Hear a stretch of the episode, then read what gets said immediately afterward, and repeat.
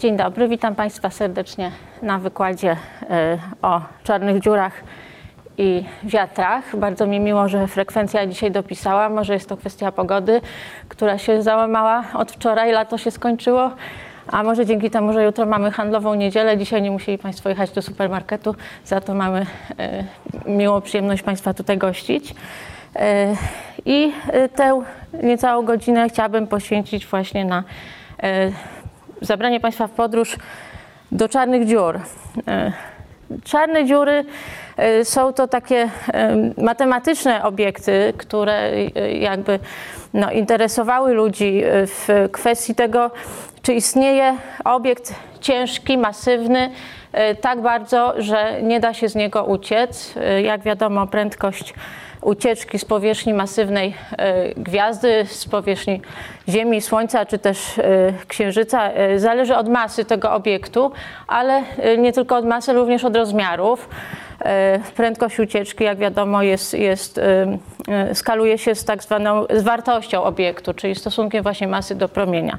No i już w XVIII wieku angielski fizyk John Mitchell stwierdził, że teoretycznie, hipotetycznie coś tak ciężkiego i małego, że nawet e, światło nie będzie w stanie się stamtąd wydostać, ponieważ prędkość ucieczki będzie większa niż prędkość światła, może istnieć.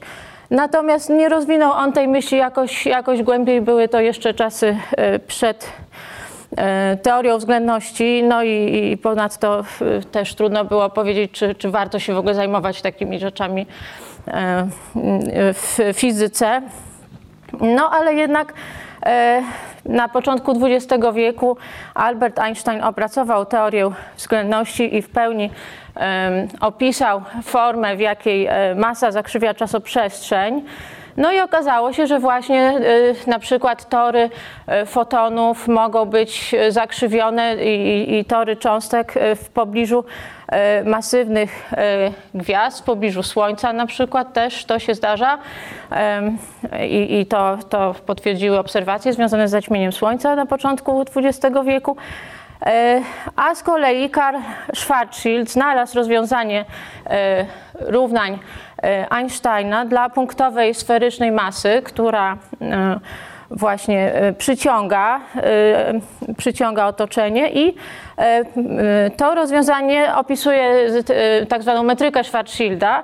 W metryce Schwarzschilda rozmiar czarnej dziury wynosi 2 razy stała grawitacji razy masa E, dzielone przez prędkość światła do kwadratu i to jest charakterystyczny rozmiar zwany promieniem Schwarzschilda. E, I z gwiazdy, którą ściśniemy do rozmiarów tego promienia Schwarzschilda, światło nie może uciec i to, to wiadomo od czasów właśnie początku XX wieku.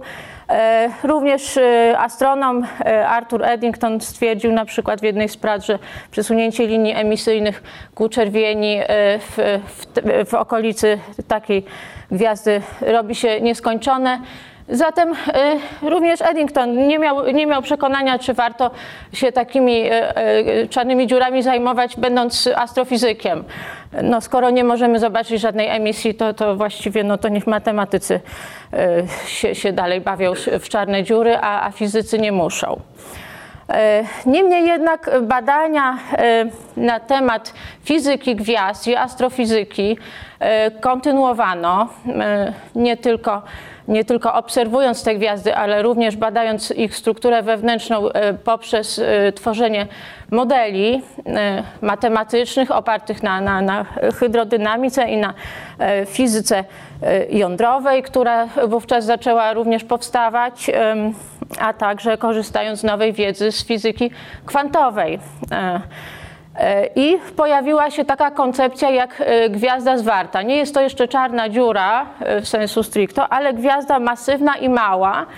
E, I pytanie powstało, czy, czy mogą, co, co, takie gwiazdy robią i, i, jak one się tam tworzą i um, czym się różnią od takich normalnych gwiazd, które znamy, takich gwiazd jak Słońce, czy też takich gwiazd jak um, olbrzymy, tak, czy, czy, czy, czy, czy te, które ogólnie rzecz biorąc świecą na koszt tego, że, że zachodzą w nich reakcje termojądrowe i mamy ciśnienie termiczne, gwiazdy te są wewnątrz bardzo gorące, ciśnienie termiczne równoważy grawitację takiej gwiazdy, w związku z czym ona się nie zapada. Natomiast pytanie jest, co się stanie, jeżeli te reakcje przestaną zachodzić, już to tak zwane paliwo termojądrowe we wnętrzu gwiazdy się wyczerpie, co, y, co się stanie, czy taka gwiazda zapadnie się, jak się zapadnie, co może jeszcze tą grawitację powstrzymać.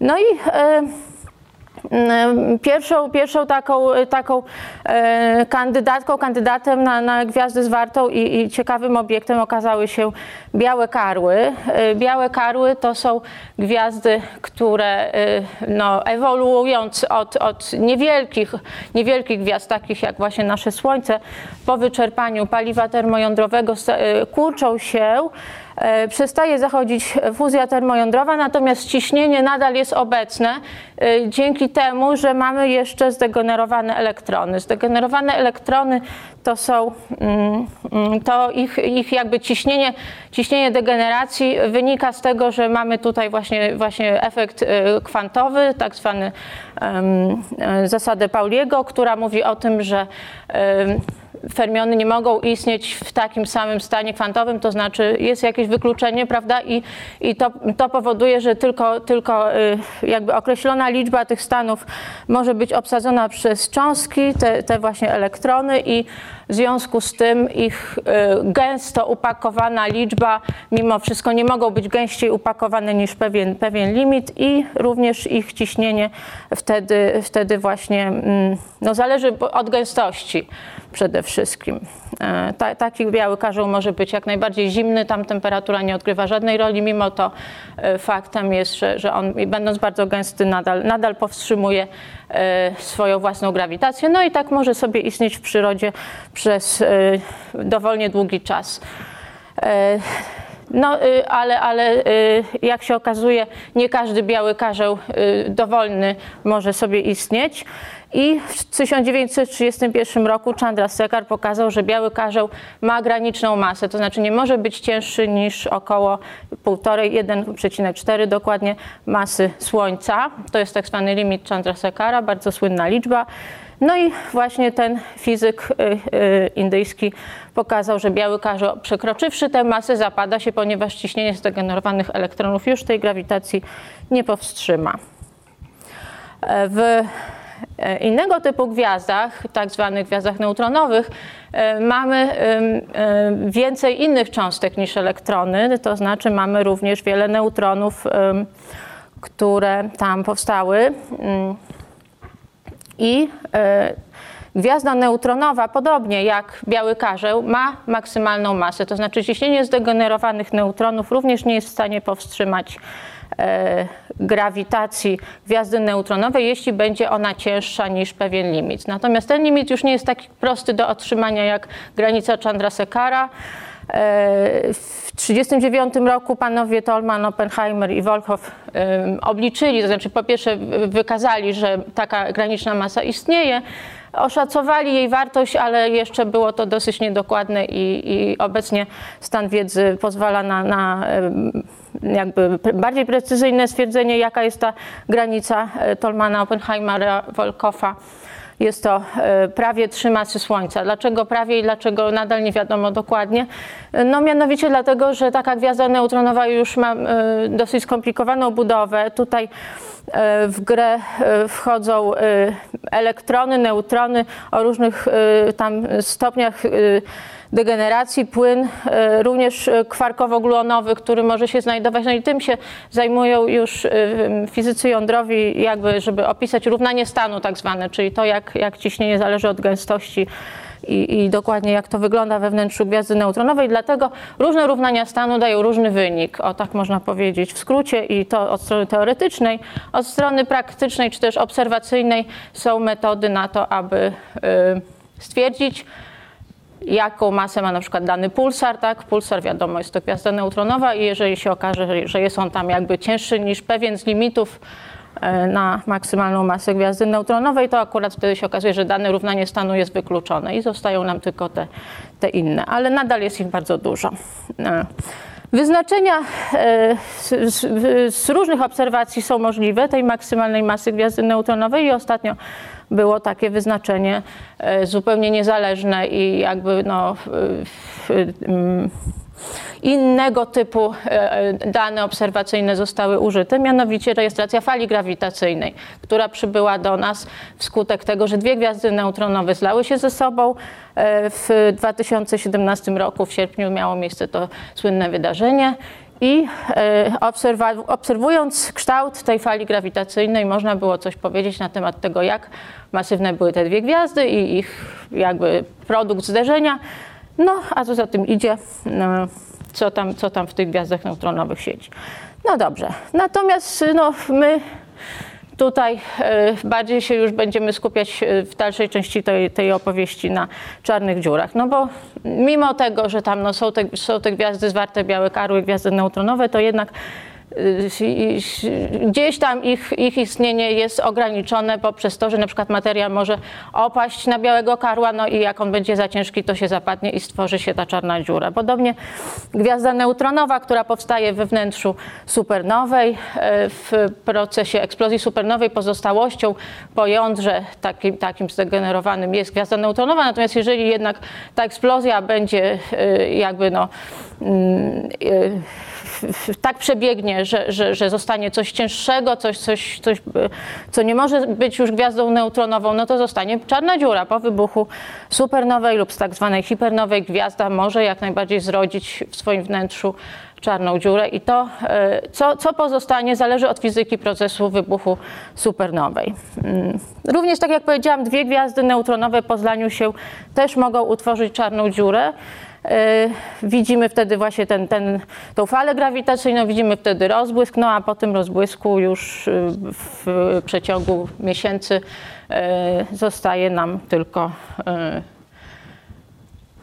czarna ta właśnie dziura. I, no i pytanie, co wtedy? Czy my możemy taką czarną dziurę dalej obserwować, czy już niestety eksplozje to to jedyna metoda na mm, poznanie y, tych, tych tajemniczych obiektów? No okazuje się, że na szczęście nie są inne, y, inne y, okna, czy też in, inne mm, interesujące rzeczy w kosmosie i widać na przykład to, jak materia wpada do czarnej dziury, mimo tego, że ta czarna dziura już jest stara, już tam dawno żadnej tam supernowej e, nie ma, jak, jakieś może tam dawne pozostałości, ale, ale powiedzmy, że, że, już to, że już to jest dawna historia. To e, możemy stwierdzić, mimo tego, że e, czarne dziury są obecne w e, kosmosie w znacznej liczbie i nie jest to tylko przedmiot badań matematyków czy też fizyków, teoretyków, ale również astrofizycy tutaj mają coś do powiedzenia, ponieważ obserwujemy materię, która wpadając do czarnej dziury, zanim tam się dostanie, bardzo się nagrzewa. Dlaczego ona się nagrzewa? No mamy do dyspozycji oczywiście ogromną grawitacyjną energię potencjalną, która jakby dysypuje się, tak, zamienia się w ciepło w, w, pewnego rodzaju procesie, w procesie akrecji. Akrecja jest to proces, w którym właśnie materia opada na zwartą gwiazdę, może to być, to być no, no, jakieś centrum, tak, ogólnie akrecja to jest opadanie na centrum. E, i e, opadanie to, jeżeli odbywa się w formie dysku, e, dzieje się tak dlatego, że materia, która spływa do centrum posiada jakiś moment pędu, czyli obraca się, obraca i to tak jakbyśmy mieli wannę, tak i mamy tam taki odpływ, to wówczas widzimy, że taki wir się tworzy, prawda? Możemy sobie to tak wyobrazić, że taki dysk akreujący i utworzony z materii dostającej się zasysanej przez czarną dziurę właśnie jest, y, jest obecny i widzimy ten dysk. Czarnej dziury nie widzimy, natomiast ten dysk jak najbardziej widzimy i możemy y, go badać w, za pomocą obserwacji w różnych y, w zakresach widma elektromagnetycznego, różnymi instrumentami. E, no tak jak wspomniałam, właśnie energia jest ogromna, bo mamy do dyspozycji ogromny potencjał grawitacyjny, więc również temperatury uzyskiwane wskutek nagrzewania się takiego dysku akrecyjnego są ogromne. Są to miliony stopni Kelwina setki tysięcy. W związku z czym to, aby, aby, ten dysk się wychłodził, on musi wyemitować promieniowanie, które jest bardzo energetyczne. To są, to są miliony stopni Kelwina, to, są, to jest promieniowanie rentgenowskie. I, i takie widma energetyczne, widma w zakresie rentgenowskim obserwuje się. Jak najbardziej taki dysk produkuje widmo ciała doskonale czarnego, znane Państwu na pewno ze szkoły. Tutaj jest rysunek, który pokazuje schematycznie, jak wygląda natężenie promieniowania funkcji częstotliwości emitowane przez taki dysk. Każdy z jego kolejnych pierścieni to jest jedno takie ciało doskonale czarne, złożenie ich tutaj taki kształt daje. No dobrze. I gdzie konkretnie takie dyski akrecyjne występują i jakie czarne dziury mamy tutaj do dyspozycji. No, mówiłam już o gwiazdowych, jakby zagajając ten temat. No, gwiazdowe to to jakby od strony teoretycznej e, przewidziano, że pojawią się, tak, jeżeli, jeżeli na przykład te gwiazdy neutronowe tam zostaną mm, już, już, już nie mogą e, się utworzyć, to, to, to będzie to gwiazdowa czarna dziura, czyli taka no, cięższa niż te trzy masy Słońca. Natomiast no, to, to było wiadomo bardziej najpierw z teorii. A co przyniosły odkrycia obserwacyjne? No akurat okazuje się, że, że czasem lepiej szukać dalej niż bliżej. E, I w latach 60. XX wieku odkryto takie źródła, które się nazywają kwazary. E, kwazar pochodzi od e, terminu quasi-stellar radio source i to jest quasi-gwiazdowe radioźródło, bo to, jakie odkryto, najpierw, najpierw zaobserwowano promieniowanie radiowe właśnie, były, były to bardzo jasne źródła radiowe i punktowe, czyli jakby no, może to jest bliska, pobliska gwiazda, która z jakiegoś powodu nadaje radio. Natomiast e, wkrótce okazało się, że to są bardzo dalekie obiekty, to nie mogą być gwiazdy, bo one znajdują się ogromnie daleko i tu jest w tej e, pracy właśnie z e, roku 63 opublikowanej w Nature okazało się, że, że te źródła są na odległościach kosmologicznych. Tu jest przesunięcie ku czerwieni dla takiego jednego z tych kwazarów e, z katalogu 3C, Cambridge Catalog o numerze 273. Ten obiekt został skatalogowany, no i okazało się, że jak się zmierzy przesunięcie ku czerwieni do optycznego odpowiednika tego źródła, to jest, to, to jest odległość kosmologiczna, czyli to jest poza naszą galaktyką, bardzo daleko. No i w związku z tym to nie może być gwiazda, bo gwiazd z takich dużych odległości byśmy w ogóle nie widzieli. Musi to być inna galaktyka. E, obecnie znamy około 200 tysięcy kwazarów dzięki przeglądom nieba. Jednym z tych przeglądów jest Sloan Digital Sky Survey. E, około 10% z nich tylko jest radiowo głośnych, więc mieliśmy duże szczęście, że się, że się najpierw te radiowe kwazary odkryło, bo jednak dużo więcej z nich jest cichych radiowo, one, one świecą w innym zakresie widma, na przykład w ultrafiolecie, również w rentgenach. Skąd te kwazary czerpią energię? No, świecą w całym zakresie widma, jak powiedziałam, nie tylko radiowo, od e, promieniowania podczerwonego, e, od radiowego poprzez podczerwone, aż do, aż do e, rentgenowskiego i, i wysokoenergetycznych promieni gamma a ich jasność może nawet stukrotnie przekraczać jasność typowej galaktyki. Biorąc pod uwagę duże odległości, to wiadomo, że, że są to ogromnie jasne galaktyki i jakby no dlaczego? Za ich jasność nie może w takim razie odpowiadać jasność zawartych tam gwiazd. Musi być jakieś inne e, źródło tego ogromnego blasku. No i wiadomo, że właśnie proces akrecji, czyli opadania materii na czarną dziurę jest najbardziej wydajnym energetycznie procesem ze znanych nam w fizyce. Jest dużo wydajniejszy na przykład od produkcji energii w reakcjach termojądrowych. E, I tu mamy tą wydajność e, jakby e, oznaczoną, to jest energia potencjalna dzielona przez mc kwadrat, tak, czyli masę jakiejś tam cząstki, która wpadnie do takiej czarnej dziury i prędkość światła daje tę energię. No i to jest ogromna wydajność, to jest powyżej 10%. Dlatego uważa się, że właśnie za jasność kwazarów odpowiada wsysanie materii przez ogromną czarną dziurę, która się we wnętrzu takiego kwazara znajduje. E, no, pośrednie przesłanki za tym, że, że jest to rzeczywiście czarna dziura, e, są takie, że na przykład bardzo szybko zmienia się blask kwazarów. Ich ogromna jasność mimo wszystko nie jest stała w czasie, tylko, tylko zmienia się szybko, a jakby skala tej zmienności e, jest wynikiem tego, że bardzo niewielki obszar świeci. Tak, więc ty, ty, jakby light travel time, czyli czas y, propagacji fotonów przez taki niewielki obszar oznacza, że jest to, że jest to rzeczywiście bardzo mało. Y, rzędu, rozmiar takiego, takiego obszaru to rzędu skali Układu Słonecznego, natomiast ogromne prędkości ruchu materii wokół tego centrum oznaczają obecność ogromnej masy skoncentrowanej w tak niewielkim obszarze. No i w związku z tym masa promień jest, jest duże, dlatego jedyne co tam może być to czarna dziura o masie miliona mas Słońca. No i takie czarne dziury się bada, tak jak wspomniałam, w, całym zakresie widma elektromagnetycznego. Mamy teleskopy rentgenowskie, mamy radioteleskopy.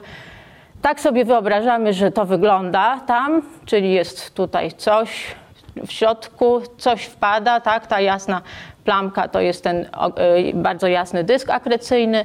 Tutaj jest e, dalej troszeczkę jeszcze jakaś tam inna materia. Na pewno no, cała ta galaktyka jakoś kontrybuje do, do rozwoju e, swojego centrum. Wzdłuż osi prostopadłej do tego dysku też widać bardzo jasne strugi materii i to są tak zwane jety. Za chwilę o nich powiem więcej. A chciałam jeszcze powiedzieć, że jakby no, nasza praca jest bardzo trudna w związku z tym, że, że no, nie możemy tam wysłać e, misji, tak, żeby, żeby poszła i, i, i pobrała próbki na przykład z kwazara i, i powiedziała nam, co się tam dokładnie dzieje. W związku z tym e, możemy to badać jedynie robiąc modele e, i obliczając na komputerze, jak struktura takiego dysku, jak struktura takiej materii wygląda. I do tego używamy albo małych, albo dużych. Ostatnio już niestety coraz większe są potrzebne e, superkomputery i to, to jest nasze narzędzie pracy. Tutaj coś mi się nałożyło, ale mam na szczęście podpis. Jest to kwazar PKS 1127, e, obraz rentgenowski po tej stronie. To jest po tej stronie obraz rentgenowski z satelity Chandra, zaczerpnięty z pracy z 2000 roku. Jak widać, właśnie ta jasna materia rentgenowsko świeci, ale widać też taki tutaj taki patyk wystający i to jest jet, czyli struga materii wyrzucana, nie wsysana, tylko właśnie wyrzucana y, z okolicy centrum tego kwazara. Po lewej stronie jest obraz optyczny z teleskopu Hubble'a i tu mamy te, ten, ten jasny kwazar w kąciku, a tu jeszcze jest mapka radiowa, bo różne przyrządy używamy, więc również w radiu widać to samo, czyli tu jest to jądro kwazara i jest jet jasny nie tylko w zakresie rentgenowskim, ale również w zakresie radiowym i jeszcze takie są tutaj struktury w tym jecie, ABC, takie, takie bloby e, właśnie zmierzone.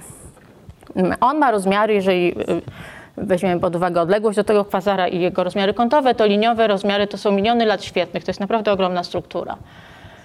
E, to jest, aha, jeszcze obok mam za to coś innego. SS-443. Pierwszy odkryty mikrokwazar. Obraz również z satelity Chandra. Widać pewne podobieństwa, no oprócz tego, że tutaj piksele są bardzo duże. E, podobieństwo okazało się nie tylko pozorne, ale e, właściwie e, bardzo, bardzo interesujące i frapujące dla naukowców i tych, którzy lubią właśnie akreujące czarne dziury, ponieważ okazało się, że mamy bliżej kwazary, które są jakby dziećmi kwazarów, kwazary w miniaturce, albo inaczej mówiąc mikrokwazary. Takie źródła, które zawierają małe czarne dziury o, o rozmiarach gwiazdowych, również zawierają te dyski akrecyjne, również wyrzucają strugi ze swoich biegunów i są to takie mniejsze kuzynki. Odkryto je później, dopiero w latach 90 właśnie tak jak wspomniałam, paradoks, bo, bo czasem lepiej najpierw szukać dalej, a potem coraz bliżej e, na, nas, coraz bliżej Ziemi się okazuje, że też e, ciekawe rzeczy jednak są. E, charakteryzują się również silną i zmienną emisją radiową, obecnością jetów i dużą jasnością rentgenowską. Również czerpią energię swoją z akrecji materii na czarną dziurę lub być może gwiazdę neutronową. Tu akurat sytuacja nie jest taka komfortowa, bo mimo wszystko, jeżeli to jest mały obiekt tutaj w centrum, to może to być też gwiazda neutronowa, jeśli, jeśli nie przekracza tej granicznej masy. E, no i obecnie znamy około 20-30, może trzeba e, listę, listę aktualną e, tam gdzieś znaleźć w internecie. I są to tak zwane podwójne układy rentgenowskie. Dlaczego podwójne układy rentgenowskie? Dlatego, że no właśnie tutaj coś musi dostarczać tej masy. To już nie jest galaktyka, w której masa jest dostarczana jakby z całej galaktyki do, do jej centrum e, i wiele tam gwiazd, obłoków gazu może się znajdować. Tutaj taki dysk akrecyjny jest karmiony materią pochodzącą z towarzysza, a towarzyszem jest druga gwiazda. Jak wiemy, gwiazdy w przyrodzie występują najczęściej. 70% gwiazd to, to są układy podwójne, gwiazd lub wielokrotne. Nasze Słońce jest wyjątkiem, że nie ma, e, nie mamy drugiego na niebie.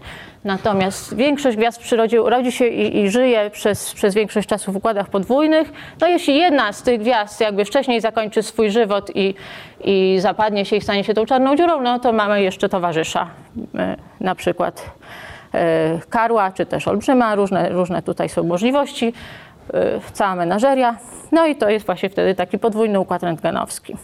To jest jeszcze raz ten SS43, e, 443, natomiast tutaj mamy nie, nie mapę rentgenowską, ale mapę radiową e, z VLBA, e, Very- Large Baseline Array i mapa radiowa pokazuje właśnie ten jet, który ja tam na obrazku wcześniej pokazałam na rysunku, tylko takim artystycznym. A tutaj ten jet widać, jak on jest jasny w zakresie radiowym i tu widać jego jakby dwie odnogi, tak? W jedną i w drugą stronę taki jet leci. Tu jest centrum mikrokwazara SS443 i e, składnik zwarty to najprawd- naj- najprawdopodobniej czarna dziura, a prędkość rozchodzenia się tego jetu, czyli to ja- jak szybko te bloby, te, te radiowe na przykład właśnie bloby oddalają się od siebie i od y, swojego y, miejsca powstania, to jest znaczny ułamek prędkości światła. To są jety prawie że y, mm, osiągające 30% prędkości światła. I teraz no, jest właśnie takie pytanie, skąd wiemy, że tam jest ta czarna dziura, a nie e, gwiazda neutronowa i jak to odróżnić? Nie jest to takie, e, nie jest to takie proste. E, W mikrokwazarze akreuje obiekt zwarty, natomiast jego nie widać, tak? Widać tego towarzysza, na przykład badając jakby ruch orbitalny tego, tego, tego układu, e, obserwujemy jedynie składnik, który, który widać w zakresie optycznym, czyli tą gwiazdę towarzyszącą. I wtedy astronomowie e, mogą wyznaczyć e, nie dokładnie masy tych składników układu podwójnego, ale jedynie taką funkcję mas. I funkcja mas to jest właśnie taka liczba, która z jednej strony z obserwacji jest dana przez okres orbitalny P tutaj, no trzeba założyć jakąś tam ekscentryczność. Jeżeli orbita nie jest kołowa, to, to wówczas to E tutaj też wchodzi. No ale powiedzmy, że w pierwszej, w pierwszej przybliżeniu tam możemy powiedzieć, że to jest kołowa. No i widać tylko to V2, czyli pół amplitudę prędkości radialnej, czyli prędkości z jaką okrąża ta e, widoczna gwiazda, ta, ten towarzysz, z jaką okrąża e, składnik niewidoczny. Składnik niewidoczny o masie M1. No i to M1 jest naszą niewiadomą. Jeżeli M i, i F, czyli funkcja masy, to jest limit. To jest limit e, na masę składnika niewidocznego. Jeżeli funkcja mas jest duża, to znaczy, że masa składnika niewidocznego jest tym większa, więc powiedzmy z całą pewnością w wielu przypadkach możemy wykluczyć te gwiazdy neutronowe, czyli coś około 3 mas Słońca, to będzie na granicy, ale jeżeli to jest 14, no to już nie ma siły. To jest czarna dziura i tutaj nie może być nic innego. Inny mikrokwazar GRS 1915 plus 105.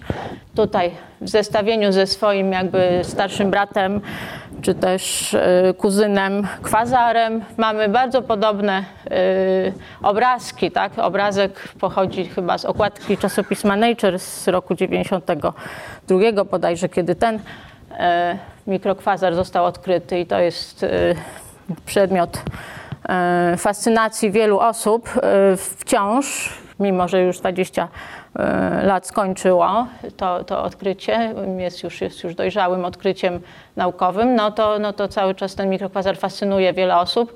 E, Jest on e, na przykład znany z tego, że jest to pierwszy mikrokwazar, w którym stwierdzono pozornie nadświetlną prędkość poruszania się jetu.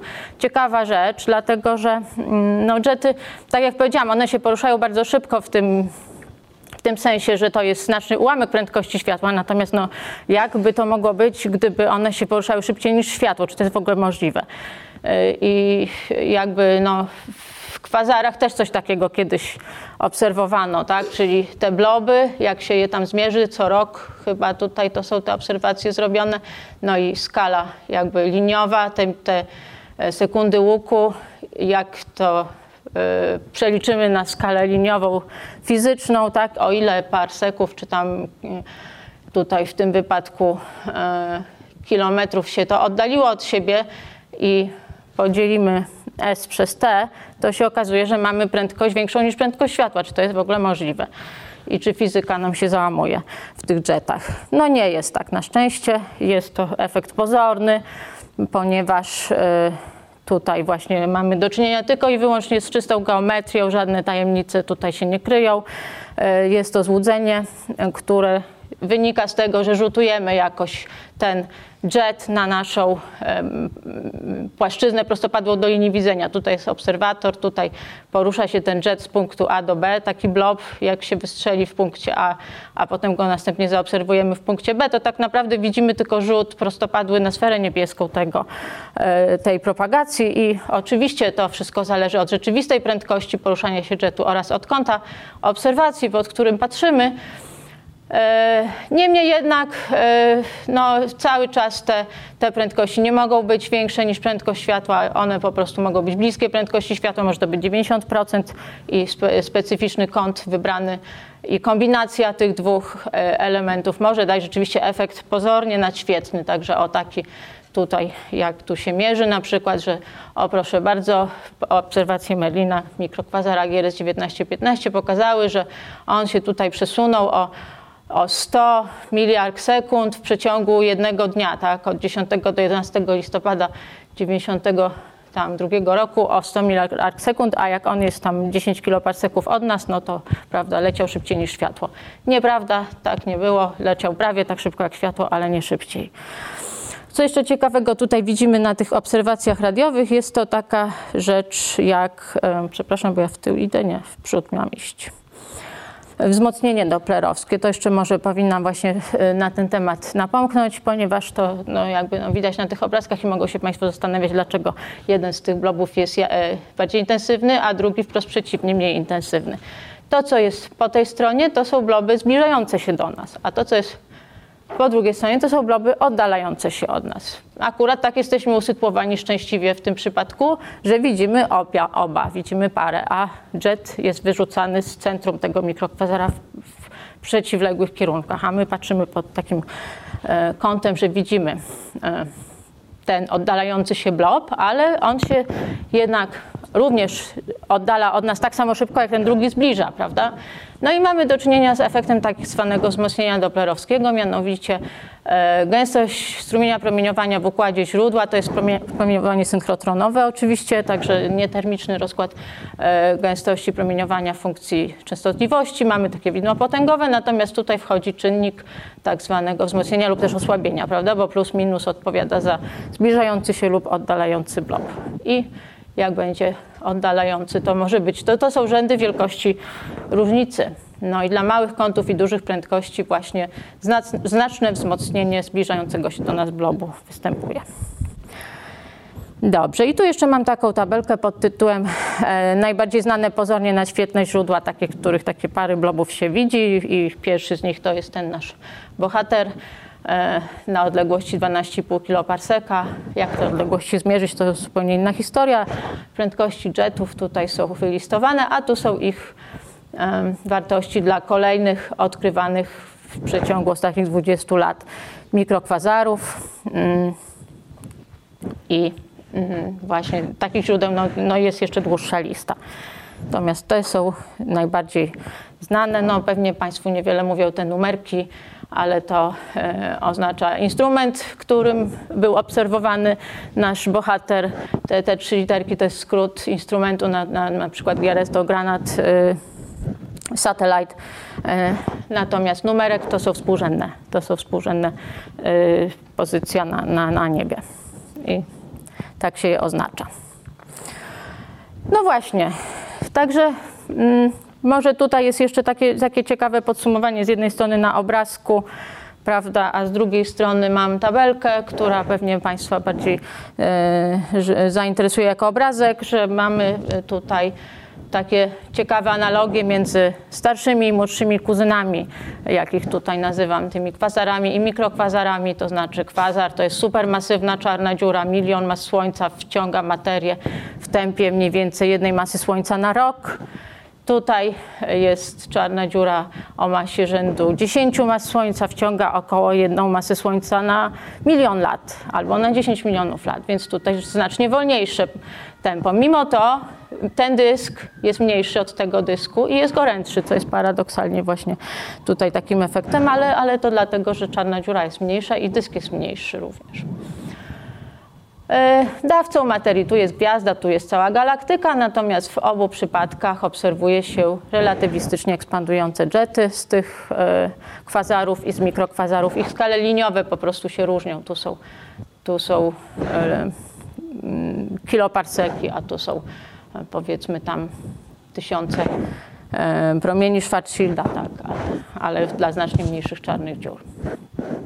A ta tabelka podsumowuje liczbowo, prawda? Może to co, to, co ciekawe powinnam powiedzieć. Temperatury, tak jak wspomniałam, są mimo wszystko rząd wielkości, dwa rzędy wielkości inne, co wynika z innej masy czarnej dziury. Jasności, tu w naszym ulubionym układzie jednostek CGS, e, bardzo niepopularnym już wśród fizyków, ale astrofizycy się przywiązali do układu CGS, dlatego na przykład jasność jest w ergach, a e, w, e, w ergach na sekundę, tak, i, i takich jednostek używamy. No dobrze, i teraz jeszcze jest y, inna statystyka już, ile takich gwiazdowych czarnych dziur w naszej galaktyce widzimy. E, no około 100, to się szacuje statystycznie, tak? No bo e, tak jak wspomniałam, 20 mm, parę jest odkrytych z nazwy, zarejestrowanych, skatalogowanych i napisane, jakie są ich tam e, parametry. Natomiast szacuje się, że około 100 w ogóle istnieje w galaktyce i powiedzmy, że będziemy je odkrywać w najbliższej, niedalekiej przyszłości. Mhm. Tak wygląda y, jeszcze raz schemat takiego obiektu. Y, no i właśnie, w tytule były wiatry, a cały czas coś tak nie bardzo o tych wiatrach y, jeszcze powiedziałam, więc chciałabym jakby kolejną część tego wykładu poświęcić jednak na, na wiatry i na fizykę dysku akrecyjnego już, już tej części. Dlaczego to jest jakby na razie mm, na razie nie padło jeszcze. No, tak jak y, zaczęłam historycznie, prawda, no, że, że czarne dziury się jakby pojawiły najpierw jako hipoteza, później y, coś obserwuje się i tam prawdopodobnie jest czarna dziura. To, co widać, to są, to są te dyski, widać te jety, które się z dysków y, wydostają. To jest też jakaś tam forma wiatru, ale jednak takiego bardzo specjalnego, to znaczy bardzo szybki i w konkretnym kierunku wyrzucany. E, i jakby no, odróżnia się w tym momencie jednak inne formy e, wypływu materii z okolicy czarnej dziury poza dyskiem akrecyjnym, a nie takie jak jet.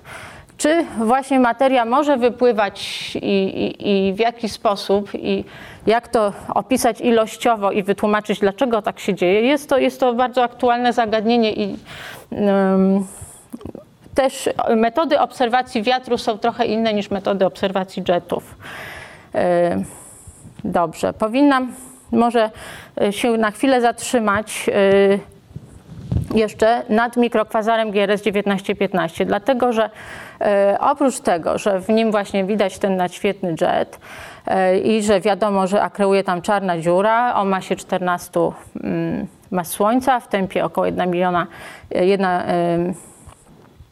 1 na 10 do 7 e, masy Słońca na rok, jest bardzo jasny rentgenowsko, ten mikrokwazar, to jeszcze okazuje się, że widać e, w nim takie charakterystyczne oscylacje. I to są oscylacje blasku w e, zakresie rentgenów, czyli blasku, który emituje wnętrze dysku akrecyjnego. Wnętrze dysku, który, który otacza czarną dziurę. I jak widać, takie pulsy są przypominają swoim kształtem tak zwany heartbeat, czyli elektrokardiogram, bicie, bicie serca również ma taki kształt. To są bardzo regularne i o pewnej charakterystycznej, charakterystycznej częstotliwości, jak również charakterystycznym kształcie pulsy, które w takim mikrokwazarze, w tym właśnie mikrokwazarze się obserwuje. Mm. Jak podejrzewamy i może, może być związek między występowaniem tego typu oscylacji a e, uwalnianiem się wiatru z dysku akrecyjnego. Ten związek badamy pośrednio. Nie wiemy e, jeszcze, czy na pewno wszystko uwzględniliśmy i czy to jest już pełny, pełny obraz. Prawdopodobnie nie, nie jest tak, ale jest, jest to bardzo ciekawe zagadnienie. E, wspomnę jeszcze o nowym mikrokwazarze, który został odkryty w, pod koniec lat 2000, 2007-2009 roku. Został on poznany bliżej, e, ponieważ jego rozbłysk w lutym 2011 roku został przeanalizowany jeszcze raz. Wcześniejsze historyczne obserwacje zostały, e, zostały przeanalizowane ponownie. I mm, jest to również obiekt, w którym najprawdopodobniej akreuje czarna dziura. Tempo akrecji jest duże mm, i w niektórych stanach ten obiekt wykazuje również regularne oscylacje jasności rentgenowskiej. E, ten mikrokwazar nazywa się IGRJ 17091, czyli no jakby yy, podobny, ale inny niż ten GRS 1915. I tutaj właśnie w tym źródle IGR yy, odkryty przez satelitę Integra, dlatego IGR, tak, to jest źródło integrala, nawiasem mówiąc, czyli tego satelity, w którym również Polska e, bierze aktywny udział w jego, w jego budowie i eksploatacji danych. To źródło um, wykazuje charakterystyczny wiatr. I teraz y, Wiatr, y, no ciężko jest zrobić obrazek wiatru. Tak jak Państwo wiedzą, ciężko jest nawet sfotografować nam wiatr, który wieje w naszym ogródku. E, podobnie w tym wypadku, tak jak fizyka jetów może jest, jest od tej strony łatwiejsza do, e, do pokonania, że, że widzimy te jety również, również ich jakby kształt i, i, i prędkość możemy obliczyć, jakby obrazując bezpośrednio wygląd tego jetu. Tak w przypadku wiatru to jest, to jest dosyć trudne. E, I e, są to przede wszystkim dane spektroskopowe w tym wypadku. Nie obraz, nie zmienność czasowa, tylko dane spektroskopowe, czyli mm, linie widmowe, które tutaj są zaznaczone takim czerwonym kolorem. To jest obserwacja satelity Chandra. Pokazuje obecność silnego wiatru w tym obiekcie. E, I no, co, co, się dzieje? Jak ten, e, jak ten wiatr się diagnozuje? Te struktury absorpcyjne e, odpowiadają pochłanianiu fotonów rentgenowskich, które się tworzą w dysku akrecyjnym przez materię oddalającą się od tego dysku przez taki obłok właśnie zwany przez nas roboczo albo i nieroboczo wiatrem. Ten wiatr jest prawdopodobnie składem podobnym y, do składu słonecznego, czyli tam występuje przede wszystkim wodór y, z pewną domieszką ciężkich pierwiastków. Natomiast linie, które tutaj widać, to są linie e, o energiach odpowiadających atomom wysoko zjonizowanego żelaza. Jest to prawdopodobnie albo żelazo helopodobne, albo żelazo wodoropodobne. Wówczas takie linie mniej więcej występują na 6 i pół 6,7 kV. To jest atom helopodobny żelaza. Taki atom pochłania po prostu foton rentgenowski i wówczas nasze widmo jest wyjedzone, wygryzione, te struktury zostają i, i takie linie absorpcyjne się pojawiają. Tego żelaza jest co prawda niewiele tak, tak e, procentowo w naszym wietrze, ale daje takie charakterystyczne struktury, które dają się zmierzyć i dopasować jakimś modelem.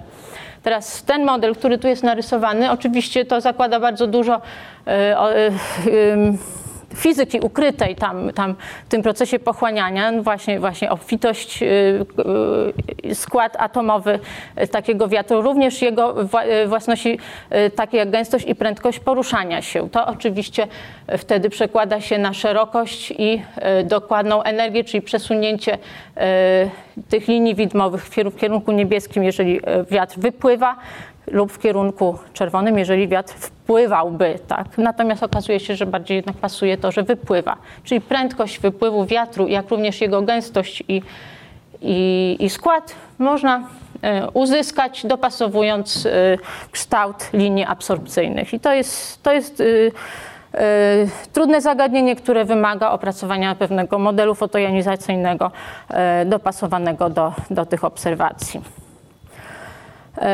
Tu może pominę ten fragment, natomiast okazuje się, że właśnie mm, nasze oscylacje dysku akrecyjnego, które chcemy uzyskać, modelując je i, i, i porównując z obserwacjami takich pulsów, które pokazałam wcześniej, można wyjaśnić też dużo lepiej wtedy, jeżeli w naszych modelach uwzględnimy właśnie część energii zabieranej przez wiatr. To jest model hydrodynamiczny, który y, został wykonany przez mojego studenta w ubiegłym roku i to był temat jego doktoratu. Pan Mikołaj Grzędzielski tutaj e, właśnie w Centrum Fizyki Teoretycznej e, wykonał ogromną pracę nad tym, żeby wymodelować oscylacje termiczne dysku akrecyjnego. Tutaj w tym przekroju widać w skali logarytmicznej odległość i grubość tego dysku, tak, która się jakby zmienia cyklicznie z, wraz z nagrzewaniem się i, i, i, i e, okresowym schładzaniem się takiego dysku. I jak widać, ta wewnętrzna część tutaj e, oscyluje. Może zaraz chciałam jeszcze raz pokazać, bo filmik się urwał. W każdym razie no, skale czasowe tych oscylacji dokładnie odpowiadają naszym obserwowanym pulsom. Również amplitudy, czyli to jak mocno się nagrzewa, odpowiadają y, dokładnie y, amplitudom zmian jasności y, dysku akrecyjnego w naszym mikrokwazarze i co istotne, aby uzyskać dokładnie amplitudy tych oscylacji, takie jak potrzebne do wyjaśnienia obserwacji, należy założyć, że gdzieś z tych obszarów dalej niż, niż nasz pulsujący fragment, musi być uwolniony wiatr. I to y, jest możliwe tylko na bazie pełnych obliczeń hydrodynamicznych, czyli struktury dysku od y, centrum do brzegu aż y, tej, tego dysku. No i właśnie modelujemy tego typu krzywe blasku dla mikrokwazara odkrytego przez satelitę Integral. Tutaj akurat dane z satelity SWIFT są narysowane. E, i krzywe blasku właśnie składają się z takich pulsów, gdzie jasność rentgenowska zmienia się cyklicznie mm, w czasie. E, możemy również dopasować y, do naszego, nasz model do obserwacji, e, które mówią nam, jakie tempo utraty masy w wietrze było wówczas Mm, obserwowane dzięki danym spektroskopowym. Tempo utraty masy tutaj w gramach na sekundę jest, jest podane z tych obserwacji. Nasz model to tempo utraty masy zakłada teoretycznie i możemy w ten sposób wnioskować o strukturze, prawdopodobnej geometrii tego przepływu w mikrokwazarze e, satelity Integral. To jest nasza, e, nasz obrazek ideologiczny, jak to wszystko wygląda. Czyli tutaj jest ta czarna dziura, Tutaj jest dysk akrecyjny, to jest na, na razie, nie, nie, narysowałam dysku, tylko raczej oś, na której zaznaczyłam pewne charakterystyczne odległości. Tu jest te, te, te, to, to kręcące się, to jest ten oscylujący fragment dysku, czyli ten, który pulsuje, nagrzewa się i schładza cyklicznie i odpowiada za te zmiany blasku w jasnych rentgenach. A tu jest fragment, który wypływa, unosi część energii i część masy, tak, y, prędkość tego wypływu oczywiście może być y, mm, tylko taka, żebyśmy mogli uwolnić masę z pewnej odległości, tak. Y, prędkość ucieczki z odległości r od czarnej dziury jest właśnie prędkością naszego wiatru, który obserwator mierzy, tak, obserwator widzi jakby to, jak fotony rentgenowskie tutaj powstające są pochłaniane w tym obszarze i tutaj widzi to właśnie widmo e, i, i te linie absorpcyjne. E, to jest zupełnie inna klasa obiektów. Rozbłyski gamma to, to, są, to są e, eksplozje, tak? bardzo krótkie pulsy energetycznego promieniowania, już nie rentgenowskiego, ale gamma. Tam są obserwowane jety, więc taki rozbłysk jakby może powstać również w okolicy czarnej dziury, ale raczej takiej, takiej e, eksplozyjnej czarnej dziury, która właśnie dopiero co się przed chwilą urodziła, zasysa pewną materię oczywiście z swojego otoczenia w formie dysku, ale to trwa bardzo krótko. To nie są żadne tam lata ani, ani miesiące, tylko to są sekundy i takie gwiazdy e, neutronowe lub też hipernowe mogą nam taki rozbłysk gamma e, wywołać. E, również możemy zaobserwować falę grawitacyjną, jeżeli rozbłysk gamma powstanie wskutek tego, że zlały się dwie gwiazdy neutronowe, że urodziły czarną dziurę i ta czarna dziura wyrzuciła jakiś jet, powstał rozbłysk, ale w, procesie zlewania się tych dwóch gwiazd neutronowych poprzedzającym rozbłysk był e, moment, kiedy fala grawitacyjna została wyemitowana i to, jak wspomniałam na samym początku wykładu, może być bardzo dobra metoda na oszacowanie masy tych zlewających się gwiazd i, i, i powstałej z nich e, z hipermasywnej e, gwiazdy neutronowej. Więc pytanie, czy, czy, czy jeszcze wiatr możemy tutaj dołożyć i, i właściwie po co? No możemy. I tu e, jakby e, no, w szczegóły nie wniknę z powodu tego, że już czas mi się kończy. Natomiast wiatr z dysku akrecyjnego również e, widać prawdopodobnie, aczkolwiek te dane i, i, modele są jeszcze mniej precyzyjne niż to, co ja pokazałam dla mikrokwazara, więc jakby to jest dopiero pierwszy, pierwszy tutaj, pierwsze światełko w tunelu czy taki wiatr występuje i, i, co, w nim, co w nim siedzi. Natomiast być może, że tam jest kopalnia złota i tutaj gorączka właśnie zapanowała e, na temat tego, że poszukujemy pierwiastków ciężkich w błyskach gamma, poszukujemy e, złota, platyny i czego tam jeszcze. Także zachęcam do czytania na temat e, gwiazd neutronowych, na temat czarnych dziur, na temat błysków gamma i na temat ogólnie wszystkiego, co fascynujące w kosmosie. Mam nadzieję, że, że będzie to e, kopalnia złota, ale nie tylko na chwilę, tak jak w początkach tam XX wieku w Kalifornii, ale, ale na dłużej. I dziękuję wszystkim za uwagę.